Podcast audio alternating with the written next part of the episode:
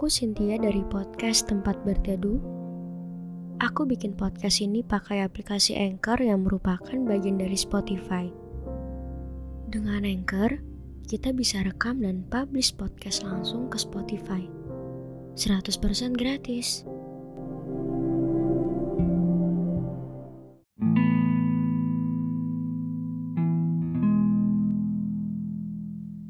Waktu itu, aku pernah menganggap suatu tempat sebagai rumah. Aku pikir mereka bisa nerima aku apa adanya.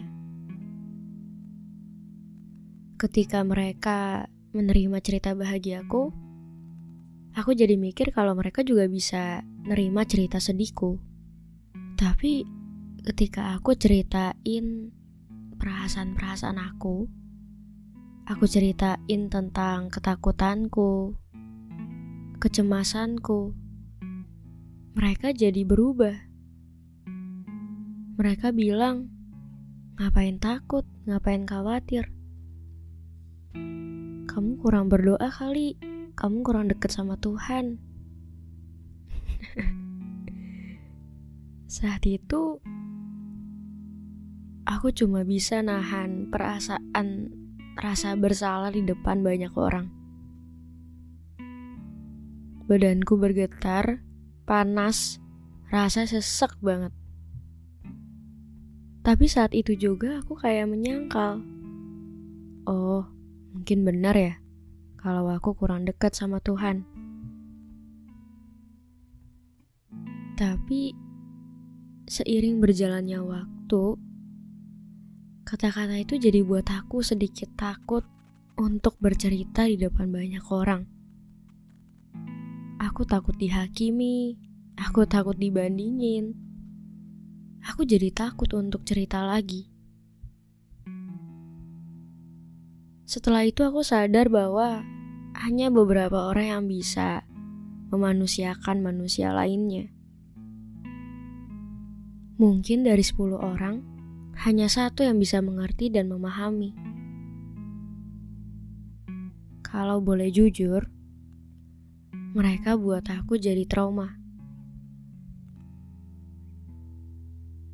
Dan setelah kejadian itu, aku jadi memilih untuk menyimpan semuanya sendirian. Karena daripada kejadian itu terulang lagi,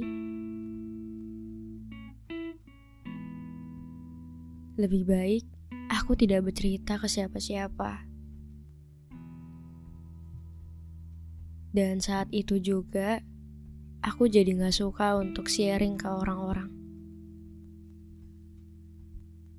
Mungkin ini salah satu alasan kenapa aku jadi suka nge-podcast. Karena di sini aku bisa bebas cerita tanpa takut dihakimi aku bisa sharing banyak tentang hal-hal buruk yang pernah aku alami tanpa takut dibandingkan. Ya, maka dari itu gak bisa berharap banyak dari manusia. Yang kelihatannya baik, belum tentu juga bisa berempati ke orang lain. Dan jadi reminder buat aku sendiri sih bahwa yang bisa mengerti aku ya cuma diri aku sendiri. Yang benar-benar bisa memahami ya cuma aku gak ada yang lain. Mungkin kalau sekarang aku nanya ke mereka apa masih mengingatnya atau tidak?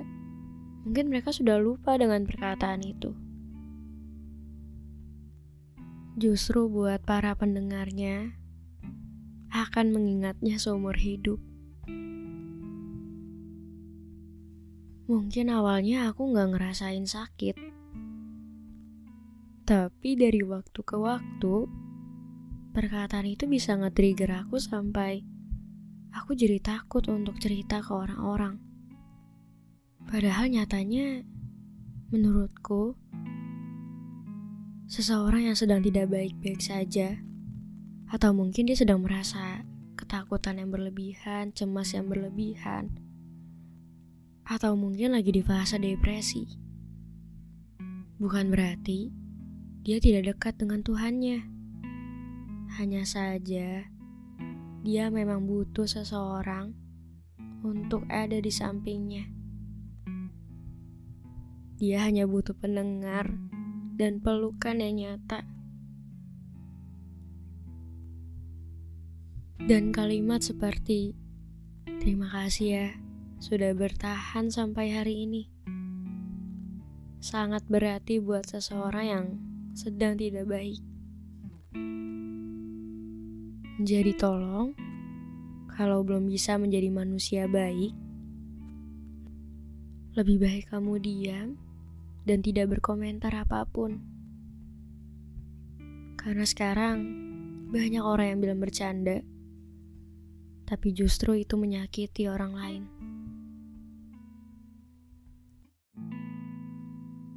Kalau hari ini berat, gak apa-apa untuk menangis. Gak apa-apa kalau kenyataan gak sesuai dengan ekspektasinya kamu. Jangan nyerah dulu. Jangan berhenti dulu. Aku tahu ini berat. Tapi tolong bertahan. Bertahan demi diri kamu sendiri. Sayangi dulu diri kamu sendiri. Utamain dulu diri sendiri, baru orang lain. Jangan terlalu keras sama diri sendiri. Kamu udah sejauh ini. Terima kasih ya, sudah kuat. Terima kasih sudah hidup sehidup-hidupnya.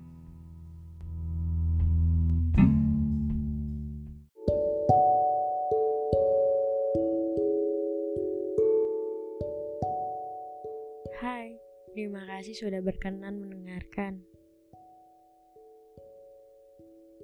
Jangan lupa untuk follow podcast tempat berteduh. Kamu bisa dengerin di setiap hari, Selasa, Kamis, dan Sabtu.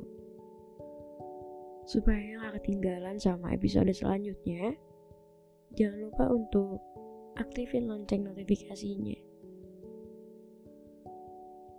jangan merasa sendirian ya. Karena kamu gak akan pernah sendirian. Gak akan pernah.